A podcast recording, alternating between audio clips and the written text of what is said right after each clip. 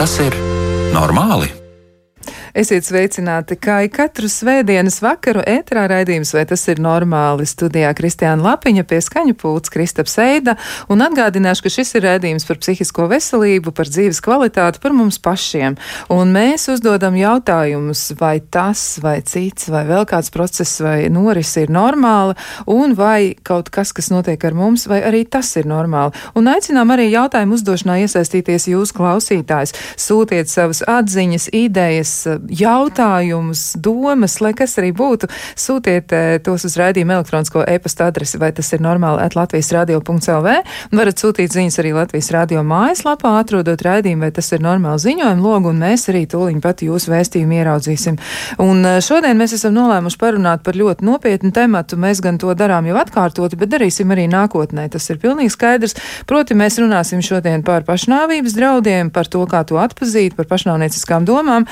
Kā Kā tad saprast, kā pamanīt draudus, kā palīdzēt novērst un kā būt ar cilvēkiem, kuriem Reizēm klājas ļoti, ļoti grūti. Un uh, raidījuma viesi pie mums uh, šodien ir Alise Cepurīte, mentālās veselības atbalsta biedrības ogla vadītājs. Sveicināti, Alise! Sveiki! Un vēl esam aicinājuši arī šodien pie sevis krīžu un konsultāciju centra Kalbas direktoru Raivo Vilcānu. Sveicināts! Labvakar. Man prieks jūs abus redzēt. Tiešām eh, jāatzīst arī, mēs esam tikušies pirms kaut kāda laika, bet eh, man tiešām, man tiešām no visas sirds gribas teikt, esmu priecīgi jūs redzēt. Un, eh, kaut arī temats nav no vieglajiem, es domāju, ka mums ir par to jārunā, un arī es esmu ļoti pateicīga, ka jūs esat piekrituši un ka jūs esat klāt. Bet pirms mēs runājam par tādām konkrētākām lietām un mēģinām varbūt arī atbildēt uz tādiem ļoti konkrētiem jautājumiem. Man gribētos uh, sākt ar to, kas ir ierosinājis šo sarunu. Un uh, var teikt tā, ka nu, tāds ļoti būtisks. Uh, Mūsu sabiedriskās dzīves nodrošinātājs zināmā mērā, un tas ir Latvijas dzelzceļš, ko šeit ir jāpiemina. Tātad Latvijas dzelzceļa pārstāvi un cilvēki, kas tur strādā, viņi ir ieinteresējušies par šo pašnāvības problēmu mazliet citā aspektā no sākuma. Proti, ir tā, ka reizēm cilvēki mēģina aiziet no dzīves, un viņi to dara uz sliedēm. Un tas ir ļoti, ļoti, ļoti sāpīgi. Tas ir ļoti grūti. Grūts ir bijis noteikti to cilvēku ceļš līdz šādam lēmumam, un vēl grūtāk arī ir pēc tam droši vien, nu, iet tālāk un, un, un, un domāt par tām lietām, kas vēl ir darāmas. Jo tā cilvēka ceļš noteikti ir bijis uh, traģismi pilns, un, un tās domas vai tās izjūtas, kas ir aizvedušas cilvēku līdz šādam lēmumam, tas ir kas tāds, ko droši vien nav iespējams saprast, nesot šī cilvēka kādā. Bet Latvijas dzelzceļš ir uh, mēģinājis saprast, ko tad darīt ar to visu. Un jāatzīst, patiešām ļoti vērtīga kampaņa ir ierosināta un arī tāda izpēta, un to Latvijas dzelzceļš dara jau otro gadu.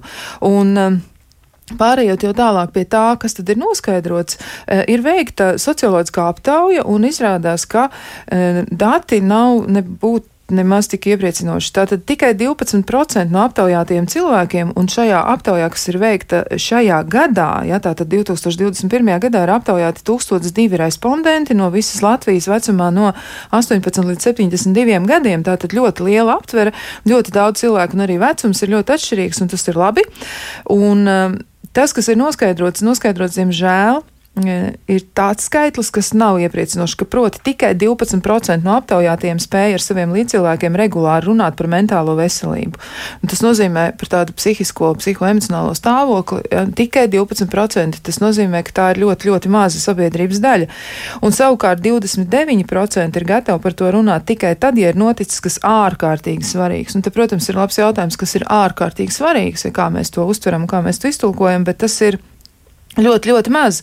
Un eh, vēl jau vairāk eh, ir aptaujā noskaidrojies arī tas, ka šis procents patiesi ir ļoti mazs, ja mēs ņemam vērā to, ka tikai 11% no respondentiem var apgalvot, ka viņu pašu mentālā veselība ir ļoti laba. Nu, tas nozīmē, ka ļoti liela daļa cilvēku paši ir aizējis par to, kā viņi jūtas, un ir tā, ka nu, tas mūs aizved vēl pie tādiem citiem jautājumiem, ja kā tad mums vajadzētu par to runāt, kā mums atpazīt vienam otra izjūtas, to psihoemocionālo stāvokli un kā ar to to nu, tikt galā vai virzīties tālāk un kā palīdzēt šiem cilvēkiem. Un vēl ir arī tā, ka nu, ir arī tādas labas lietas, ja pozitīvi vērtējums ir tas, ka sabiedrība nedaudz eh, kļūst gatavāka palīdzēt cilvēkiem kuru e, mentālais un psihiskās veselības stāvoklis rada bažas, un ir tā, ka no pagājušā gada 67% aptaujāto, kas būtu gatavi piedāvāt palīdzību, šajā gadā rādītājs ir mazliet audzis, ja par 3% vairāk, tātad jau 60 cilvēki. Bet kas mūs varētu arī ļoti, ļoti uztraukt, ir tas, ka nu, tā vidēji rēķinot tikai 55% no tiem cilvēkiem, kas piedalījās aptaujā, ir spējīgi uh, nu, iesaistīties vispār idejā, idejas apspriešanā par to, vai kādam cilvēkam ir slikti vai nav. Un, diemžēl, šāds pats skaitlis ir arī nu, tāds, kas liecina par to, ka cilvēki nav gatavi atpazīt pašnāvības draudus. Tātad 55% no aptaujātajiem nespēja īsti saprast, kas tas ir, kas notiek. Nu, tad beidzot mēs nonākam pie tā jautājuma.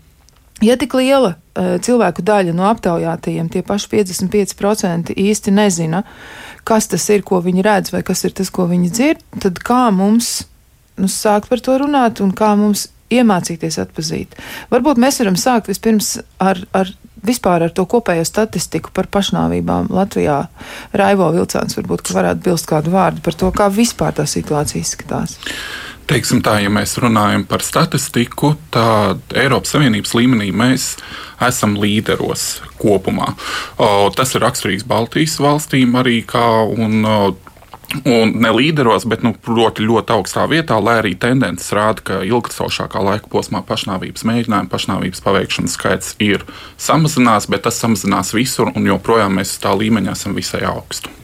Jā, tā tad nekas īsti labāk nav kļuvis. Nu, jāatzīst arī, ka tie konkrētie skaitļi mums ir zinām, ka bērnu dzīvību ir atņēmuši sev 298 cilvēki, bet aptuveni 600 ir mēģinājuši to izdarīt. Tas nozīmē, ka ļoti liels cilvēku skaits mēģina izdarīt pašnāvību.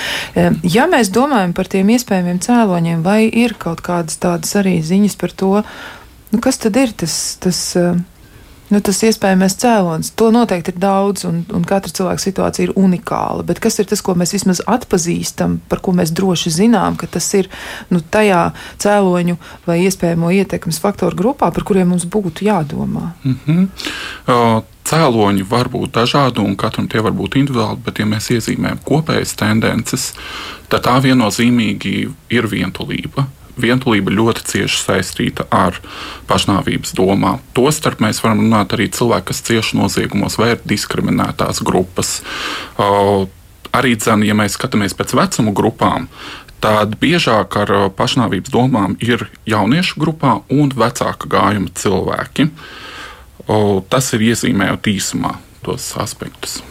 Jā, bet ja tur vēl kā reiz varētu kaut ko izvērst, jo tieši man gribētos par to vientulību arī pajautāt. Nu, tagad ir tāds laiks, tuvojas gada nogali un ir ļoti skaisti svētki un, un daudz cilvēki, kas ir, nu tā vai citādi viņi izjūt tādu reliģisku piedarību varbūt un arī kultūras ietekmi noteikti ir spēkā. Nu, ir tā tā doma par to, ka ir jābūt kopā, piemēram, Ziemassvētkos vai gada noslēgumā, nu, ka ir jābūt ar citiem cilvēkiem. Kā tas eh, nu, būtu saprotams, jo tā vientulība nu, ir daudzu cilvēku dzīves realitāte, un tas uzsvērums no sabiedrības vai no varbūt arī nu, tādas nu, kultūras vai pat reizēm subkultūras puses ir tas, ka visiem ir jābūt jautrā, laimīgā barā, un, un, un tas nav vienmēr iespējams. Te vairāk būtu jārunā par to, ka vai persona pati vēlās to kompāniju, vai viņi seko kaut kādam stereotipam, ka ir obligāti jābūt kopā. Jo jāsaprot arī tas, ka cilvēks arī pats ar sevi var būt labā kompānijā, ja, ja, ja cilvēks pats to vēlās. Un, ja mēs skatāmies arī uz svētku laiku, tad mums ir jāsaprot arī tas, ka Tas ir ļoti kluss laiks. Tas ir ļoti tāds laiks, kurā daudz ko var pārdomāt un saprast, un varbūt arī atskaitīties sev, ka kaut kas nav bijis tik labi.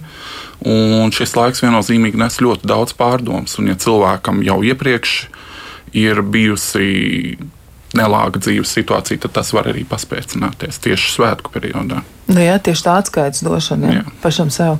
Nu, te man gribas pievērsties arī uh, Alisai Cepurītē un jautāt, uh, nu, kā tad ir nu, tā pieredze noteikti arī par dažādiem cilvēkiem, cilvēku stāstiem, arī ko viņi ir teikuši par sevi. Kas ir tas, ko viņi saka, kas viņiem ir radījis nu, tādas domas galvā, ka dzīvē varbūt nav jēgas un nav vērts iet tālāk uz priekšu?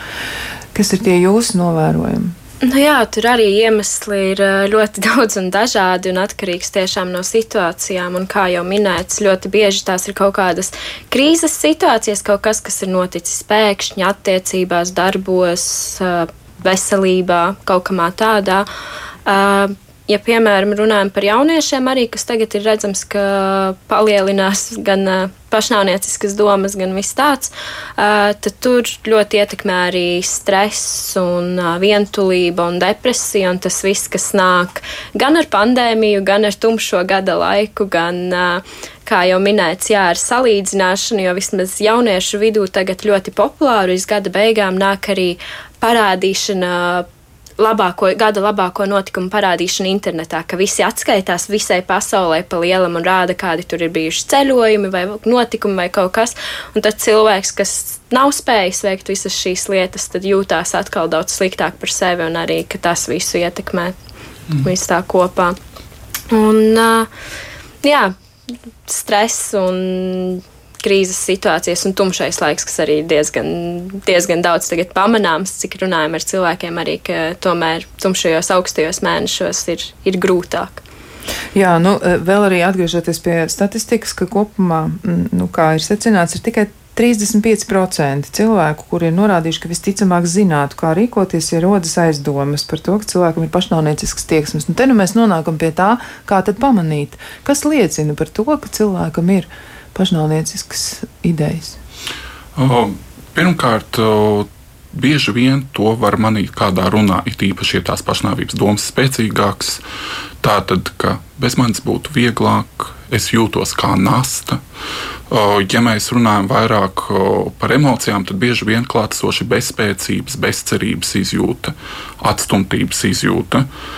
O, ja mēs runājam par kaut kādām darbībām, ka cilvēks varētu plānot pašnāvību, tad tas ir lietu sakārtošana pēkšņi, pieņemsim, testamentu rakstīt, mantu atdošana, ļoti vērtīga mantu atdošana. Un, būtiskas izmaiņas ikdienas uzvedībā. Vai nu cilvēks vairs tik ļoti nepievērš uzmanību savam izskatam, vai arī tieši mazāk socializēs. Ja cilvēks agrāk ir bijis ļoti aktīvs, tad mēģina izvairīties no kontaktiem. Un, protams, mums ir jāņem vērā arī tas, ka pašnāvības domas ir biežāk, ja pārdzīvot kādu situāciju, vai nu tuvinieka nāve, vai nu vardarbības gadījums, vai kāds cits ļoti smags personīgs pārdzīvojums. Jā, nu, un ko tad vēl arī liecina mums pieredze, jo Alisai noteikti arī ir kaut kas tāds, ko var teikt, nu, šajā gadījumā, nu, laikam, jāsaka, kā ir, jā, ir tā personiskā pieredze, kas arī ļauj spriest par lietām tādā ļoti, ļoti tuvā veidā.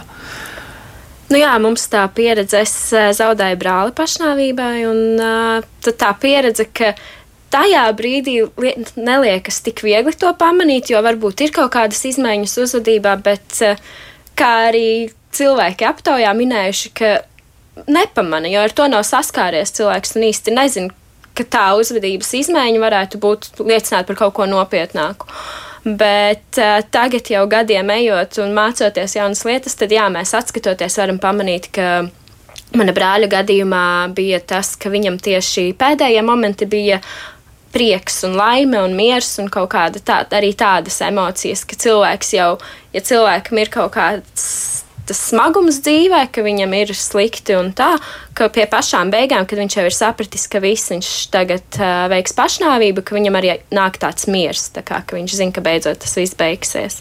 Un ka tā, kā, jā, tā varētu būt viena no tām emocijām, bet, uh, bet tas ir tas, ko mēs novērojam, ka līdz pats ar to nesaskarās, ir ļoti grūti tiešām pamanīt, un tādēļ arī ir ļoti svarīgi izglītot gan sevi, gan apkārtējos. Un, ja ir kaut mazākās aizdomas, tad tomēr reaģēt asāk nekā nereaģēt vispār. Un ko tas varētu nozīmēt, reaģēt asāk?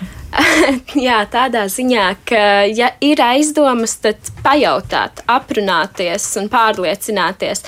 Jo, ja tu pajautāsi, Vispārējāk īstenībā ir arī jautāt tieši izmantojot tos vārdus, jo tad cilvēks saprot, ka tu esi gatavs par to runāt. Tā tad jautāt, vai tev ir pašnāvnieciskas domas, vai tu esi apsvērs pašnāvību un tā. Jo tad, ja cilvēks par to nav domājis, viņš pateiks, tā kā nē, un tas vienkārši var likties no kā, personīgās pieredzes, ka liksies tā, ka, ak, nē, kāpēc es to jautāju, un ka par manīm domās, ka esmu dīvains, bet tas tieši otrādi parāda to, ka tev rūp, ka tu izrādi to interesi, un tad tu vari atvainoties un teikt, kā, piedod, bet zini, ja kas, tad tu vari ar mani runāt, bet atkal, ja tas būs tas variants, ka cilvēks tiešām ir ar pašnāvnieciskām domām, tad tas būs kā jau tas vārds būs pacelts, tā tēma būs pacelta, tad tad var darboties tālāk un meklēt. Jā, šis ir darīt. arī viens no mītiem par to, ka nu, nevajag runāt, vajag izvairīties no tiem vārdiem vai no tiem apzīmējumiem. Izskatās, ka tas ir mīts, ko vajadzētu arī sagraut, varbūt vēlreiz arī šajā mm. šodienas sarunā par to, nu, ka ir jārunā par to, ko mēs novērojam. Viennozīmīgi, jo jāsaprot, kā jūtas cilvēks ar pašnāvības domām. Cilvēks jūtas nērti šo tēmu pacelt, un ja mēs tieši un konkrēti uh, pajautājam par pašnāvības domām, tad cilvēks saprot, ka viņš drīkst par to runāt, un ka cilvēks, otrs cilvēks ir gatavs arī dzirdēt. Un tieši tādēļ tas ir visai liels mīts, ka vajadzētu ignorēt kādas pazīmes, jo, kā arī zināms pēc citu stāstiem, proti, liela daļa gadījumos, kad ir veikts pašnāvības mēģinājums vai pašnāvība, cilvēki ir redzējuši tās pazīmes. Viņi jau at, atpakaļojuši skatu, skatoties uz to situāciju, to ir pamanījuši. Tāpēc nevajag vajag ticēt gan pazīmēm, gan arī kaut kādai iekšējai sajūtai un jautāt. Vienmēr labāk pajautāt par lieku nekā par mazu. Jā, vai varētu būt arī pareizs tāds algoritms, nu, kur arī es zinu, arī, ka ģimenes ārstiem, piemēram, viņu vadlīnijās ir ietverta šī informācija par to, ka nu, labi ir sākt ar to jautājumu tieši kā tu jūties, ja, un pēc tam mēģināt nonākt jau nākamajā solī vai aiznākamajā pie tā, vai ir tās pašnāvnieciskās domas, jo reizēm varētu arī tā būt, un tad man gribētu arī jūs abu komentāru par to dzirdēt, nu, ka cilvēkam ja viņam uzreiz to pajautāts, un mirklī pirmajā jautājumā, tad viņam varētu rasties arī tāda izjūta, nu, ka tagad es esmu plānojis to darīt, un man ir šādas domas, bet, nu, visticamāk, cilvēki man mēģinās no tā atrunāt, un varbūt tas arī varētu ietekmēt negatīvi to tālāko sarunu. Kā jums tas pašiem izklausās no jūsu pieredzes? Um. Nu, es varu runāt vairāk par speciālistu pieredzi. Vienmēr ir vislabāk tieši pajautāt, jo tās sarunas var ievirzīties ap un apkārt. Protams, ja, ja mēs runājam par līdzcilvēkiem, nu, visticamāk, mēs satiekot uh, paziņu, mēs uzreiz nepajautāsim to kā pirmo jautājumu. Mums jau būs kaut kāda priekšsara, un līdz mēs sapratīsim, ka šis jautājums ir nu, ietilpīgs un nepieciešams. Jā, bet tā tad ilgi, ilgi staigāt apkārt nevajag. Jā, vajag jautāt Nu jā, no mūsu pieredzes arī diezgan līdzīgi. Mums nav speciālistu pieredze, mums ir vairāk kā personiska, jā, personiska un līdzcilvēka pieredze. Un tā uh, varbūt ne tā, ka tiešām pirmajā teikumā tas attiec cilvēku un jautās, vai te ir pašnāvniecisks domas, bet uh, sarunas sākumā, jo arī bieži ko mēs novērojam, ka cilvēki ar pašnāvnieciskām domām vai cilvēki, kam ir grūti, viņiem ir haoss bieži vien galvā, un tad tā saruna var izvērsties tiešām ļoti gara, un tad būs kā, grūti tikt līdz tai eh, galvenajai, kā, galvenajam jautājumam. Nu. Nākamā lieta ir arī tas, ka cilvēks jūtas nesadzirdēts. Ja cilvēks dod jau kaut kādas pazīmes, bet mēs turpinām tās ignorēt, cilvēks jūtas nesadzirdēts. Jā, bet kā ir Aivo? Nu, tie cilvēki, kas zvana, noteikti zvana arī uz krīžu centru un uh, skābēm. Arī jāatgādina noteikti ir. Uh, sarunas laikā mēs kādā brīdī noteikti atgādināsim, kā skābes var sasniegt. Un arī e, biedrības ogli mājaslapā arī tieši tāpat. Jūs gan teicāt, e, man liekas, aiz, aizkadrā bija mums tāda saruna par to. Es tieši jautāju par mājaslapas e, funkcionalitāti, ja, un jūs teicāt, ka šobrīd tur tādi mazi rekonstrukcijas darbi, bet atrast jūs noteikti var, un var arī atrast kontaktu tālruņus, un tieši tāpat arī krīzes centrs skalbas, ja ir pilnīgi skaidrs, ka noteikti uz turieni var zvanīt, nu, tiešām tajā pašā brīdī, kad cilvēks jūtas nelāgi. Bet kas tad ir tas, ko cilvēks saka, piemēram, nu, tajā brīdī, kad viņi piezvana. Kā ir? Viņi ir ar kādu pirms tam runājuši? Situācijas var atšķirties. Diemžēl mēs arī redzam, pieredzē to, ka cilvēks zvan uz krīštālu un viņš ir iepriekš jau runājis, bet tuvinieki vai kāda tālāka cilvēki nav vēlējušies par to runāt vai ir kritiski uztvēruši šādu domu. Un tostarp cilvēki arī mēdz ievirzīt tematu par to, ka viņiem ir pašnāvības domas, un kādā brīdī jau paši visnotaļ konkrēti saka, ka nevēlas dzīvot vai neredz risinājumu situācijai, un tad tā saruna arī aiziet gan par pašnāvību, gan, ja ir plāns un tā tālāk. Labi, tad vēl viens jautājums arī, protams, kas ir jāuzdod, kā tad atšķiras nu, tāds pašnāvības žests, drīzāk ir suicidāls žests no, no tāda nopietna pārdomāta pašnāvības plāna ar ko tie atšķirsies. Jo arī tas ir kas tāds, kas sabiedrībā nu, brīžam cirkulē tādas idejas par to, ka nu, tas jau nav nopietni, tur jau cilvēks grib tikai sev pievērst uzmanību. Ja? Nu, tad eh, jūsu attieksme, jūsu novērojumi un jūsu, jūsu komentārs par šo. Manā skatījumā ir kaitīgi izšķirt reālu un nereālu pašnāvību, jo tad varētu sagaidīt, ka tagad tiks noskaitīts kāds pazīmes, un ja cilvēks tām pazīmēm neatbilst, tad tas nav reāls uh, mēģinājums. Vienmēr ir jāuztver pašnāvība reāli, jo tas ir kā izmisums sauciens cilvēkam.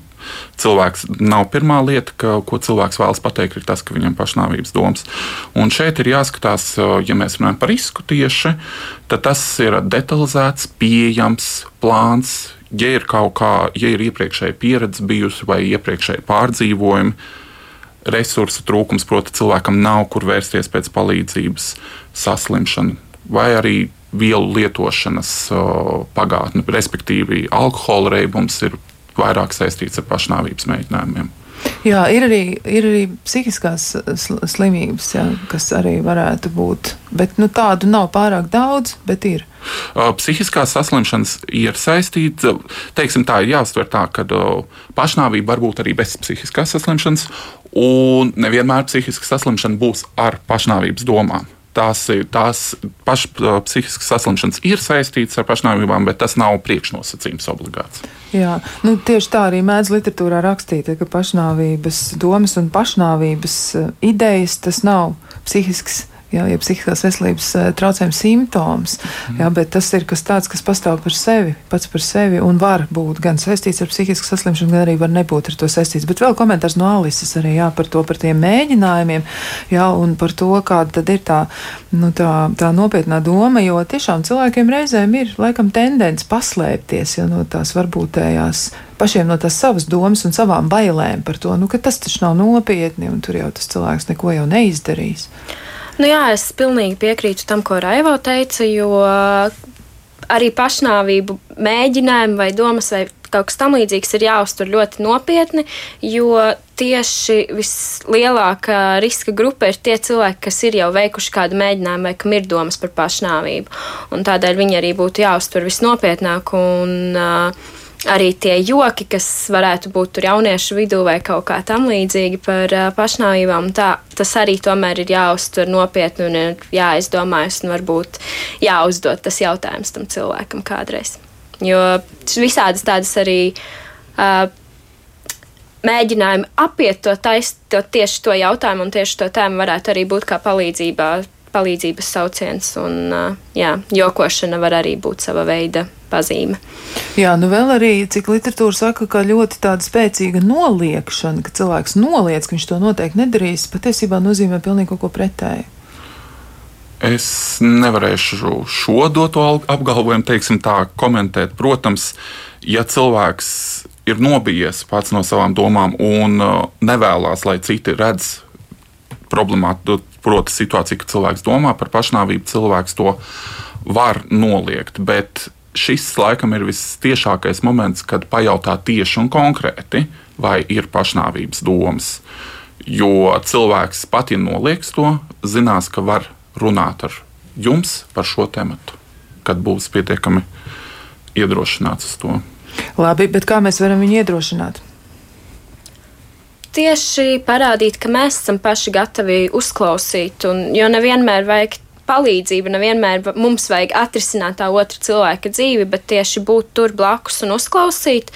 Un, jā, tas pats jautājums, vai tev ir pašnāvnieciskas domas, vai tas domājas par pašnāvību, tas jau parāda, ka mēs paši esam gatavi par to runāt, mēs esam gatavi izteikt to vārdu un esam gatavi uzklausīt. Un tad vismaz uh, no mūsu pieredzes ir tā, ka tieši šī. Uh, drošība un uzticība, mēģināt iegūt uzticību no tiem cilvēkiem, lai viņi varētu, lai viņi zinātu, ka viņi var runāt un atklāties. Bet kā tas ir mūsu kultūrā vispār? Ir tā, ka ir ļoti, ļoti grūti par to runāt cilvēkiem, jo kultūra liek to slēpt. Nu, tiek teikts, ka tas ir slikti, un arī nu, tie paši reliģiski orientētie cilvēki saka, ka tas ir grēks, un tad ir ļoti daudz arī tādas atsauces arī daudz kur citur.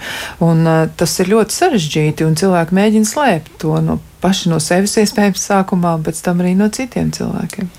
Jā, šis varētu teikt arī, ka pamazām mainās uz pozitīvo pusi, jo, ja salīdzina ar pāris gadiem atpakaļ vai vispār desmitiem gadu atpakaļ, tad uh, ir jau diezgan lielas izmaiņas, ka cilvēki ir gatavāki runāt, un vairāk tas ir novērojams tieši jaunajā paaudzē, vismaz cik mēs esam to pamanījuši. Bet, uh, jā, ka izmaiņas notiek, bet vēl joprojām, protams, uh, gan uh, psihiskās slimības, un problēmas un pašnāvības domas ir diezgan liels tabū un tiek ļoti bieži slēpts arī no visiem. Un arī tīpaši, ja pašnāvība notiek ģimenē, tad arī ļoti bieži novērojams tas, ka tas tiek slēpts. Jo vismaz no mūsu personīgās pieredzes bija tā, ka mēs saņēmām ļoti daudz uh, uh, atbildes no ļoti daudz izteiciens no cilvēkiem, un tā, ka viņi bija šokā, kā mēs varam uzdrīkstēties šitā iet un runāt par mūsu to pieredzi, par to, ka mēs esam zaudējuši ģimenes, ka mūsu ģimenes loceklis ir veicis tātad pašnāvību, kā par to var runāt. Un, uh, Vai mums nav kauns no vienas puses, vai arī kādi jūs maleči, ka jūs uzdrīkstaties, un ka tas tā kā, ka tam vajadzētu būt varbūt ne pilnīgi normāli, bet ta, par to ir jārunā. Tā kā, jā nu, tie, kas jūs uzslavēja un varbūt jūs atbalstīja, drīzāk tā, nu, jā, vārds uzslavē laikam neiedara šeit, bet kas jūs atbalstīja un kas bija gatavi ar jums būt tik ļoti, ļoti grūtā brīdī kopā un teica, ka ir par to jārunā, to vēl varētu saprast, bet tie cilvēki, kas jūs kaunināja vai kas mm. mēģināja, nu, nu arī viņiem īsti nevar pārmest, jo tāda ir tā, tā kā vēl joprojām liela daļa mūsu sabiedrības, ka tas ir vienkārši tas uzskats, pēc kā mēs esam dzīvojuši un auguši, un arī, ka tā ir kaut kāda lieta, kas liekas ir tik personīga, par ko nevajadzētu stāstīt citiem. Bet tieši šī runāšana, mēs redzam, un dalīšanās un stāstīšana ir tas, kas var palīdzēt, un tas, kas var kaut, veikt, radīt kaut kādas izmaiņas. Tātad. Šeit parādās arī būtiski vēl viena nianse, ka tas, kas notiek ģimenē, ir slēpjams. Tā ir arī vēl viena būtiska problēma. Proti, mentālā veselība ir sabiedrības problēma un rūpe, nevis katra individuālā rūpe. Un jācer, ka ik viens, kuram ir mentālās veselības problēmas, pats o, tās risinās un uz āru neiznesīs. Proti, cilvēki nav gatavi runāt par pašnāvību. Jā, varbūt ir gatavi noklausīties radio raidījumu, varbūt piedalīties kādā seminārā, bet kad viņi pienāk klāt pie paša cilvēka un atzīst tās pašnāvības domās, tas raisa ļoti daudz emocijas. Dažkārt pat var būt dusmas, varbūt bailes, un cilvēks nezina, ko ar to iesākt. Bet vienīgais veids, produktīvais veids ir par to runāt. Neskatoties arī tas, ka pats cilvēks, kas ir sadzirdējis tās pazīmes, var justies ļoti nelāgi un iespējams pēc tam arī viņam ir nepieciešama kāda, kāds atbalsts vai pārunāt to situāciju. Nu, vēl arī man jautājums par to, tiešām par to situāciju unikalitāti. Varbūt ir vērts tiešām atgādināt, ka tiem cilvēkiem savukārt, kas izturs tik ļoti kritiski jā, pret kādu, par ko viņi ir dzirdējuši, vai arī tiešām cilvēks ir atzinies, ka viņam ir pašnāvniecisks domas, ka viņi saka, nu tev taču viss ir, rokas kājas, tev ir, tev jumts virs galvas, viss taču ir tik brīnišķīgi. Nu, varbūt ir vērts pateikt, ka tā nu, tā sajūta vai arī tās problēmas, eh, nu, tas, tas apjoms katram cilvēkam ir savs. Mm. Mm -hmm. uh, šeit ir, um, teiksim tā, salīdzinājums ar citām situācijām nepalīdz pašam cilvēkam. Pirmkārt, tas balstās nepareizā priekšstatā, ka uh, pašnāvības domas ir kaut kāda izvēle, kuru var ieslēgt vai izslēgt. Tā tas nav. Bieži vien, ja mēs runājam par psihiskām saslimšanām, tad tās norit bioloģiskā līmenī, un tur nav iespējams neko mainīt uh, tādā veidā. Ja mēs runājam arī par cilvēku pašsajūtu, tad tas, ka kādam ir labi, nemaina to, ka cilvēka gaidas vai, vai dzīves pieredze nav bijusi tāda, kādu viņš būtu to gribējis. Tieši tādēļ uh, ir tās pašnāvnieciskās domas. Vēl ko ir svarīgi saprast par pašnāvnieciskām domām, ka cilvēks, kurš ir nonācis tādā krīzes situācijā, to redz kā risinājumu. Risinājumu pārtraukt ciešanas. Un tas būtu visnotaļ nelāgi vainot cilvēku par to, ka situācija nokļūst tik tālu, ka, tas, ka cilvēkam tas ir jāapsver kā risinājums. Jā, ļoti nopietnas lietas patiesībā, bet uh, par to visu mēs turpināsim sarunu pēc ļoti īsa brītiņa.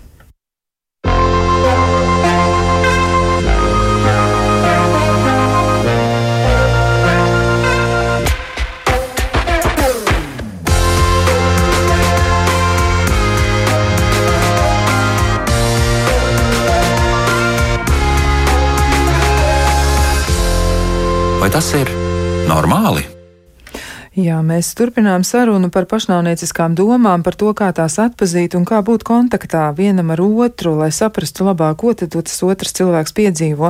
Un atgādināšu arī, ka šodien mēs esam aicinājuši šādā sarunā piedalīties viesus Alis Cepurīti, mentālās veselības atbalsta biedrības oglu vadītāju un arī krīžu un konsultāciju centra skābes direktoru Raivo Vilcānu. Un eh, vēl klausītājiem pirms mēs turpinām mūsu sarunu par nepavisam nevieglu tematu, eh, atgādināšu, ka jūs varat klausīties arī arī podkāsts, kur ir cilāts dažādas tēmas, jeb temati precīzāk. Un arī tur ir brīžam, nu, tāda saruna ir aizvedusi līdz tam, ka cilvēkiem reizēm bijušas tādas ļoti nopietnas un grūti apsveramas domas. Un jūs varat klausīties ierakstītos podkāstus Latvijas sabiedrisko mēdīju mājaslapā, atverot to un atrodot podkāstu ar nosaukumu, vai tas ir normāli, un varat arī izmantot Latvijas radio mājaslapu. Un es tiešām iesaku jums paklausīties, varbūt kāds arī atrod kādu tematu, kas uzrunā, un pēc tam tam arī var kaut ko izspriest arī pats par sevi. Bet turpinot sarunu, man gribas vēl jautāt vienu lietu nu, par. Um, Par to nespēju runāt, par uh, mentāliem, mentāliem traucējumiem vai varbūt vispār mentālo veselību. Nu, kā tas ir? Jo joprojām liekas, ka tabuētas ir tās, tās lietas Latvijā un, un, un vispār mūsu sabiedrībā. Joprojām cilvēkiem ir ļoti grūti atzīties, nu, kaut vai, piemēram, ka viņam ir depresija. Mm -hmm. Viena lieta uh, ir tas, ka mēs esam ļoti kusli uz emociju izpaušanu. Kā tādu mums ir kāds tēls noteikts jāuztur un justies nelāgi, lai arī kā tas izpaustos, ir savā ziņā kauna temats daļai no sabiedrības. Tas noteikti kavē. Nākamā lieta ir, kā man patīk teikt, mentālā veselība ir kā kuģis. Mēs katrs uz tā esam. Kāds varbūt tās svārstības ir sajūts, kāds varbūt nav. Un tieši tādēļ mums rodas priekšstats, ka mentālās veselības problēmas ir kaut kāds šauras sabiedrības grupas jautājums, bet tā tas nebūtu. Nav. Tad katram mums ir tas savs kuģis, ar kuru mēs kuģojam. Lālis, nu, kas ir jūsu novērojumi? Jūs arī eh, esat bijusi nu, šur tur pasaulē, esat skatījusies, kā lietas notiek citur un arī uzklausījusi citu cilvēku pieredzi. Kas ir tas, ko jūs varētu pateikt arī varbūt tādas, nu, tādas iepriekš necilātas un neapdomātas lietas, ko jūs esat noskaidrojusi? Jā, pirmkārt, varbūt pieminēšu jau cilātu un minētu tēmu. Tad ļoti patika tas, ko Raivo minēja, un arī es pirms mēneša, ja nemaldos, biju piedalījos mentālās veselības samitā Somijā, kur tika pārsvarā cilātas tieši Skandināvijas valstu mentālās veselības un pašnāvību problēmas, bet tāpat laikā tur bija arī pieminēts gan Baltijas valstis, gan mazliet apkārt pasaulē. Bet, uh, Viena no arī tēmām, kas tur tika minēta, ir uh, tieši šis, ka mentālā veselība un pašnāvība novēršana nav viena individa uh, uzdevums un problēma, bet gan visas sabiedrības kopumā. Tātad tas nav tikai tas cilvēks, kuram ir šīs pašnāvnieciskās domas un varbūt kāds viņa tuvinieks vai uh, terapeits vai kas tāds, bet tas ir viss kopā. Un, uh, es domāju, ka tieši ja mēs darbotos ar visu visos slāņos un ar visiem cilvēkiem, tad arī būtu šīs izmaiņas, ka cilvēki būtu gatavāki runāt, jo tas ir jādara gan ģimenēs, gan skolās, gan darba vietās, gan visā sabiedrībā. Pa lielam ir jāuzsver uz to, ka ir normāli runāt, un tas arī ir tas, ko skandināvi gan praktizē, gan plāno tam pievērst daudz lielāku uzmanību. Ir šī mentālās veselības atbalsts un strādāšana ar, men, ar mentālo slimību, kā varētu teikt, mental health un mental ill health. Un, kā, tur ir arī tās atšķirības, kam ir jāpievērš uzmanība, ka vis, ja visa sabiedrība būtu mentāli vesela un stipra ar visiem šiem rīkiem, tad arī tiem, kam būtu grūtības, būtu vieglāk, jo tad cilvēki būtu gatavi palīdzēt. Un, kā, tas ir eh, tiešām tāda lieta, kas liek aizdomāties, ka ja mēs, piemēram, Visi, kā arī mēs minējām iepriekš intervijā augustā, ka ja mēs visi izietu apmācības īsos kursus, kā pamanīt pašnāvnieciskas pazīmes vai kā palīdzēt, tad mēs varētu to novērst, ja katrā šajā draugu lokā vai katrā grupiņā būtu kaut viens cilvēks ar šīm prasmēm. Tad jau tad būtu milzīgas atšķirības. Un uh, vēl viena lieta, ko arī var paņemt kā piemēru no ārzemēm, bet tas arī tiek praktizēts visur, ka, ja mēs vēlamies palīdzēt šim cilvēkam, tad lielam cilvēkam ir svarīgas, uh, ir trīs svarīgākās lietas, lai viņam būtu šī dzīvot vēlme. Un uh, arī angliski tas gan skaitās, bet uh, tas ir ABC. Ļoti vienkārši atcerēties act, belonging and uh, cause. Tā tad rīcība, kaut, kaut kas, ko tas, lai tam cilvēkam būtu ko darīt, belonging, kaut kāda piederība, vai tas ir cilvēks, tas var būt arī mājas dzīvnieks, tas var būt jebkas, kas viņam liek justies nevienam, tātad nevientuļam. Un koz, kaut kas, ko viņš dara, kaut, kā, kaut kāds iemesls viņam būtu palielam šeit. Un arī tas būtu tas, ar ko varētu gan cilvēki personīgajā kā, līmenī strādāt, gan arī visa sabiedrība, kā darba vietas un valsts, un visi varētu palīdzēt un atbalstīt šos cilvēkus, lai viņiem visiem būtu iespēja un pieeja tam trim lietām. Jā, tas ir ļoti nozīmīgi. Jums ir arī plāns, jūs eh, dalījāties eh, ar ļoti jauku ideju, ko jūs darīsiet noteikti nākotnē. Kas tas būs?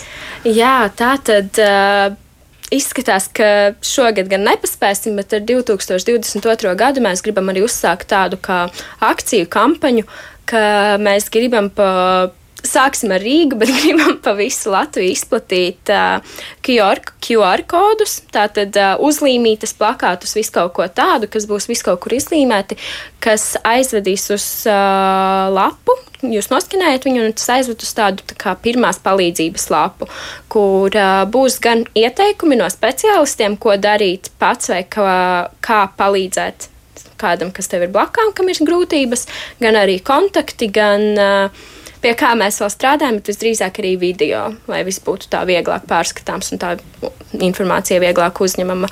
Un eh, šim te paralēli taps arī vispār kā tā ideja dzīme, ka mēs vēlamies arī normalizēt runāšanu, un mums taps uh, krekli ar uh, šo te arī. Uh, mentālās veselības palīdzības tēmu un stigmas mazināšanu, un tātad krekli par dažādām tēmām sadarbībā ar Latvijas māksliniekiem, kuri rada šos dizainus, un šobrīd mums jau ir tapuši krekli par depresiju, trauksmi un atkarībām drīzumā top arī par izdegšanu un pašnāvībām, un tātad uz šiem krekliem ir dizains, un arī uz viņiem visiem būs šie QR kodi. Un tā mēs arī ceram nākotnē izplatīt ar vien vairāk, lai tie QR kodi būtu pieejami gan dažviet pilsētā, gan arī iekštelpās uz krekliem un tā. Bet kas būs krekla valkātāji, par to var kļūt jebkurš cilvēks? Jā, jā, jā, jā, visu informāciju varēs atrast internetā, gan mūsu mājaslapā oglefest.lv, gan uh, mūsu citās uh, interneta vietnēs, un uh, visur viss tiks publicēts, tiklīdz būs gatavs, un jā, ik viens varēs iegādāties. Iesākumā gan viņi mums būs ierobežotā skaitā, bet uh, jā, mēs vēlamies radīt šo kā tādu, tā arī daļa no ogles kustības un daļa no mentālās veselības kustības, kas ir tik svarīgi, lai tieši mazinātu stigmu un runātu par to un būtu gatavi palīdzēt. Jā, sabiedrībai ir jāiesaistās noteikti. Uh, nu, šis ir īstais brīdis arī, kad atgādināt par krīzes centru skalbas, kā tad jūs varat sasniegt. Jā. Jau kopš uh, jūlija mums ir jauns numurs, krīžu tālruņa vienotais, kas ir 116, 123. Tālrunis zvans uz šo tālruni ir bezmaksas, un tālrunis strādā visu caur diennaktu, un konsultanti gaida zvanus no tiem, kam, kas jūt nepieciešamību runāt, un nav obligāti tikai par pašnāvību, par jebkuru situāciju, kuru šķietam ir vēlme pārunāt. Tā tad vēlreiz telefona numurs 116, 123. Ļoti viegli atcerēties. Mm. 116, 123. Nu, visi, visi paturam prātā, un noteikti arī šo telefonu numuru var mm, atgādināt kādam cilvēkam, par kuru mēs esam noraizējušies. Bet atgriežoties pie to pazīmu pamanīšanas, nu, varbūt tomēr vēl tādu, nu, tādu algoritmu, jeb ABC iedodam, nu, lai būtu pilnīgi skaidrs, kam noteikti, noteikti ir jāpievērš uzmanība. Noteikti ir jāpievērš uzmanība pie tā, kā cilvēks runā, kas jau tika minēts, proti, vai ir kādas bezcerības nomāktības pazīmes. Papildus tam, kāda ir cilvēka uzvedība, vai cilvēks izvairās no kontakta, vai runā par pašnāvību, vai o, mēģina izvairīties no jebkādas saskarsmes. Bieži vien cilvēks pats dos paz, pats savā izskatā vai uzvedībā dos pazīmes, ka kaut kas mainījies. Un kas tas ir? Varbūt tā ir pašnāvības domas, varbūt nav, bet vienmēr ir vērts par to pajautāt. Mm -hmm. Jā, nu, varbūt ir vēl arī kaut kādas tādas uh, uzvedības uh, iezīmes vai izpausmes, kas vēl varētu ar to būt saistītas. Jo reizēm arī ir tā, ka nu, ir tāda vēršanās pret sevi pirms tam, vai arī tas varētu tikt uztverts kā brīdinājums signāls. Proti, mēģinājums veikt paškaitējumu. Jā. Domājat? Jā. Jā, protams, pašdestruktīva rezidība arī var būt. Vai nu tā ir graizīšanās, vai nu tas ir uh, negatīva kaut kādi komentāri pret sevi, zemes pašvērtējums. Tas arī būtu viens starp lietām, kas būtu jāapsver. Tad, tad tas arī ir jāpatur prātā. Nu, Ko tad darīt, piemēram, nu, kolēģiem vai draugiem, kas ir blakus? Mēs jau runājam par to, ka būtu jāsadūšojas, jā, bet uh, ko tad varbūt tam kolēģim vai draugam sev pateikt? Nu, kā viņam ar sevi aprunāties, lai viņš varētu vērsties tam, pie tā otra cilvēka un mēģināt viņam palīdzēt? Nu, kā tas varētu nostrādāt, varbūt? Ko mēs varētu ieteikt? Jā, tā kā jāpadomā mazliet, bet nu, tas būtu vairāk tieši tas, ka. Uh, ir jāuzdrīkstās, pajautāt un saprast, ka šī runāšana pilnīgi noteikti, ko arī atkārtosim, pilnīgi noteikti nepadarīs situāciju sliktāk, jo runāšana par pašnāvību neizrost, nerosina pašnāvības. Un uh, arī, manuprāt, par ko ir, uh, vērts, arī, ko ir vērts atcerēties, ka uzsākot šo sarunu, tev nav obligāti jāpalīdz, un tā kā tu neesi, tu neesi atbildīgs par tā otra cilvēka arī dzīvību, lai tā pateikt. Jo tu vari sniegt to atbalstu, tu vari iedot kontaktus, tu vari visu, bet uh, jā, tieši tā jāatcerās, ka ir jāuzdrīkstās un kā, ka tu sliktāk lielu neizdarīsi, tieši tu vari palīdzēt. Tas būtu tas, kas jāatcerās, uzdrīkstēties. Vēl papildus būtu jāpiebilst, runāšana ir viena no lietām, bet mums ir arī jāprot klausīties. Jo cilvēks mm. var dalīties pārdzīvojumā, un nevienmēr mūsu runāšana ir nepieciešama, ja cilvēks uh, pats izklāst. Nu, un, protams, sarunai mēs nemācīsim novadīt izcilu sarunu, bet mūsu sarunai ir jābūt iejūtīgai, bez nosodījuma, bez kritikas un uz sapratni vērstai. Tas jau būs puse no tā, lai cilvēks varētu justies labāk un būt droši atklāt mums savas pašnāvības domas vai idejas. Jā, nu kā ir ar to, ka cilvēki reizēm nu, tie, kuri ir tajā otrā pusē, nevis tie, kuriem ir pašnāvnieciskas mm. domas, ja, bet nu, ģimene, draugi eh, un tie cilvēki, kas ir līdzās, nu, viņiem varētu būt tāda ļoti izteikta vēlme izglābt to cilvēku par katru cenu, un varbūt tas arī kļūst par spiedienu. Uh, šeit mēs viennozīmīgi varam piedāvāt palīdzību, pierakstīties pie speciālista vai atrast speciālistu, bet tāpat laikā uh, mums nebūtu jāuztver cilvēks kā, ka viņš ir jāpiespiež uz kaut kādu rīcību. Tas nav produktīvi. Mēs varam būt blakus, mēs varam sniegt atbalstu. Protams, ārkārtas gadījumos, ja cilvēks mēģina veikt pašnāvību, tad tas ir arī pamats zvanam uz ātrā palīdzību, bet mēs nevaram otru cilvēku vietā piespiest meklēt palīdzību. Bet kā ir ar to laiku, laika resursu mums eh, tas arī varētu būt diezgan nozīmīgi, jo ir tādas ļoti ilgi auklētas domas, un arī kā Alis teica, un arī kā mēs literatūrā atrodam, ja tos aprakstus, ka tad, kad cilvēks ir izlēms, tad viņš kļūst tāds ļoti labdabīgs, laipns un atsaucīgs un mierīgs, un šķiet, ka nu, tā problēma vairs nav aktuāla un visas briesmas jau ir garām. Un patiesībā tas ir tas brīdis, kad kā reizi tas lēmums ir pieņemts, un, un tur nu, šķietam var, var arī nebūt atpakaļceļa. Bet kā tad eh, ar to laiku? Nu, cik tad, eh, kā mēs par to laiku domājot, vispār varam, varam mēģināt tos riskus izvērtēt? Kad tas risks varētu būt visaugstākais? Tad, kad, piemēram, cilvēks jums zvana uz to krīzes tālruni, un uh, kā tad ir? Tās ir pir pirmā stunda, pirmās divas, pirmās sešas. Um, vai vispār tā ir, vai mēs varam uz to tādā veidā raudzīties? Uh, pašnāvības domas kopumā ir situatīvas, kas ir jārunā. Ka, uh, tās var pēc dienas vairs arī nebūt. Tieši tādēļ tas mirklis, kad tās domas ir visspēcīgākās, visintensīvākās, tas ir arī tas augstākais riska moments, jo tas aiz sevis ved impulsivitāti. Proti, ka cilvēks ir spējīgs veikt. Un tieši tādēļ šeit iejaukšanās vai nu ar sarunu, vai nu ar krīžu tālruni, vai ar, ar kaut kādām citām metodēm ir ārkārtīgi svarīga. Jo bieži vien pat to, ko raksta, pieņemsim, rakstos, ir apsolīt sev 24 stundas to nedarīt. Tikai 24 stundas, un tad jau pēc 24 stundām cilvēks jau jūtas citādāk un nav motivēts te, tagad, teiksim, veikt pašnāvību. Tātad tas pirmais mirklis tomēr ir ļoti svarīgs. Nu, lai varētu būt pārējais tāda taktika, ka mēs, nu, pieņemsim, ja mums kāds zvanītu un cilvēks runātu par šādām domām, mēs zinām, ka viņš ir viens un nav viņam neviena atbalstītāja. Vai tā varētu būt tāda jēdzīga un lietojama taktika, mēs paliekam pie telefona, tikmēr sēžamies mašīnā vai taksī un braucam pie viņa?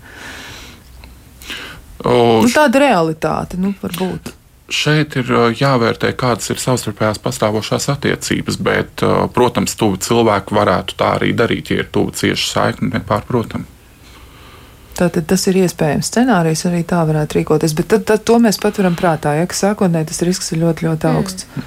Jā. Jā, es pilnīgi piekrītu tam, ka ja, vismaz pēc mūsu pieredzes un visiem stāstiem, ko esam dzirdējuši, tā tad tieši tuvie cilvēki, tas palīdz, ka tas cilvēks tomēr ir blakus dzīvē, nevis attālināti pa telefonu. Tādēļ, ja ir iespēja tiešām aizbraukt pie šī cilvēka, bet atkal, ja, ja tu esi attāls kolēģis vai kaut kas tāds, tad, tad arī tas var būt mazliet negatīvi reizēm, ka tu atkal tā kā izbiedē to cilvēku vai kaut kā tā. Bet jā, tieši tuviem cilvēkiem no mūsu puses ir redzams tas, ka palīdz, ja ir blakus. Jā, nu tad attiecību, attiecību kvalitāti jāmēģina izvērtēt, vai attiecību pat, nu, kvalitāti laikam nē, bet tieši tas, nu, cik tad mēs sociāli esam distancēti, vai tieši otrādi esam tuvu klātam cilvēkam. Bet, uh, manā skatījumā var pat uz to skatīties uh, nedaudz citādāk, pajautāt pašam cilvēkam, vai tu vēlies, lai es tev šovakar būtu līdzās.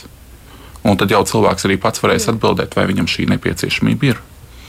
Bet vai tas arī nav tā, nu, tā nedroši jautāt viņam, jo viņš tajā brīdī jūtas ļoti, ļoti slikti iespējams. Un tas ir, kā Raivo, jūs arī pats teicāt, ja, ka tā ir tā risinājuma saskatīšana. Tajā brīdī cilvēks ir tik ļoti noguris no visa, viņam liekas, ka viss kā ir tik daudz, un dzīvē ir tik daudz neatrisināt lietu, un rektu, kur ir tas, tas atrisinājums, nu tad beidzot viss, tad tas rimsies. Atstāt viņa ziņā, kā tas, kā tas varētu izvērsties. Uh, mums ir pirmkārt vienmēr jāatcerās, ka mums ir iespēja un nepieciešamība palīdzēt, bet mēs nedrīkstam pārkāpt cilvēku personīgās robežas. Mēs nedrīkstam piespiest būt. Mums vienmēr tāpat ir jāņem cilvēka griba vērā, vai viņš grib mūs satikt. Mēs nevaram, teiksim, tā braukt un lausties iekšā mājā. Tas nebūtu samērīgi šādās situācijās. Tas, Tas ir vairāk ar cilvēku runājot, un zelta receptes nav, bet katrā ziņā mēs no savas puses varam sniegt to atbalstu, klātesamību, un vai cilvēks to ir gatavs paņemt, tas jau ir arī viņa izvēle. Jā, nu, vēl arī tā preventīva varbūt ir vērts parūpēties par tiem cilvēkiem, kas mums ir līdzās, un pārskatīt to savu draugu sarakstu un savu paziņu sarakstu, kā tur ir. Jo izrādās arī, ka, nu, man liekas, bija dati par to, ka katrs trešais Latvijas iedzīvotājs tā vai citādi, vai nu pastarpināti, vai tieši ir nonācis kontaktā ar kādu cilvēku, kurš ir vai nu nodomājis vai izdarījis pašnāvību, un tas ir kas tāds, kas ir ar mums, mēs nevaram to noignorēt. Jā, un jāņem vērā, ka mēs pašlaik šeit runājam par augsta riska pašnāvības domām, bet kopumā tā vai citādi lielākā daļa cilvēku kādas dzīves gaitā aizdomājas par dzīvi, par nāvi, par to, kas ir pašnāvība, bet tas neietver sevī to, ka cilvēks ir motivēts veikt pašnāvību. Bet tā tad tā, tās pārdomas daudz, ir daudzos no mums, bet tā rīcība un gatavība uz rīcību jau ir mazākajai daļai cilvēku. Jā, nu tad noslēdzot mūsu sarunu, kas ir tas, ko jūs novēlētu cilvēkiem tagad gada beigās? Kas ir tas, ko jūs varētu teikt no savas puses, tieši domājot gan par atpazīšanu, gan novēršanu, gan iejaukšanos, gan klātbūšanu? Ko jūs varētu teikt no savas puses? To, ka mentālā veselība ir svarīga un ir noteikti vērts ieguldīt uh, sevī, jo nav nekas vērtīgāks par savu dzīves kvalitāti. Jā, Nēlis, ko teiks? Um, es laikam vairāk tieši ir svarīgi parūpēties par sevi, bet arī šajā svētku laikā varbūt tiešām, kā minēts, apjautāties kādam draugam, ar ko sen nav runāts un būts, vai kādam tuviniekam, kā sokas, un tieši censties būt tuvāk citiem un uzklausīt tā tad būt savā ziņā būt kopā, mm. ja vien tas mm. ir iespējams. Jā, nu šis temats noteikti nav no tiem vieglajiem, un uh, iznāk tā, ka katru gadu tomēr mēs atkārtot par to runājam, bet, nu, šīs sarunas ir nepieciešamas. Pirmkārt jau tāpēc, ka pati mentālā veselība ir uzturama, un uh, par to ir jādomā, un arī tas, ka man ļoti spēcina arī Raivo izteiktā doma par to, ka tiešām iejaukšanās, ka tā būtiski samazina izdarīto, pabeigto pašnāvību skaitu, un noteikti arī palīdz cilvēkam sajust, sajust, ka kāds ir viņam blakus, kāds par viņu domā un kāds par viņu ir gatavs parūpēties. Nav viegli dzīvē reizēm visi brīži viegli, bet citu cilvēku klātbūtne tā vai citādi nu, tā ir sasniedzama. Jā, tā tad krīzes centrs skalbis un arī noteikti mentālās veselības atbalsta biedrība ogle. Varat meklēt palīdzību caur turieni, noteikti, noteikti varat to darīt un arī dariet.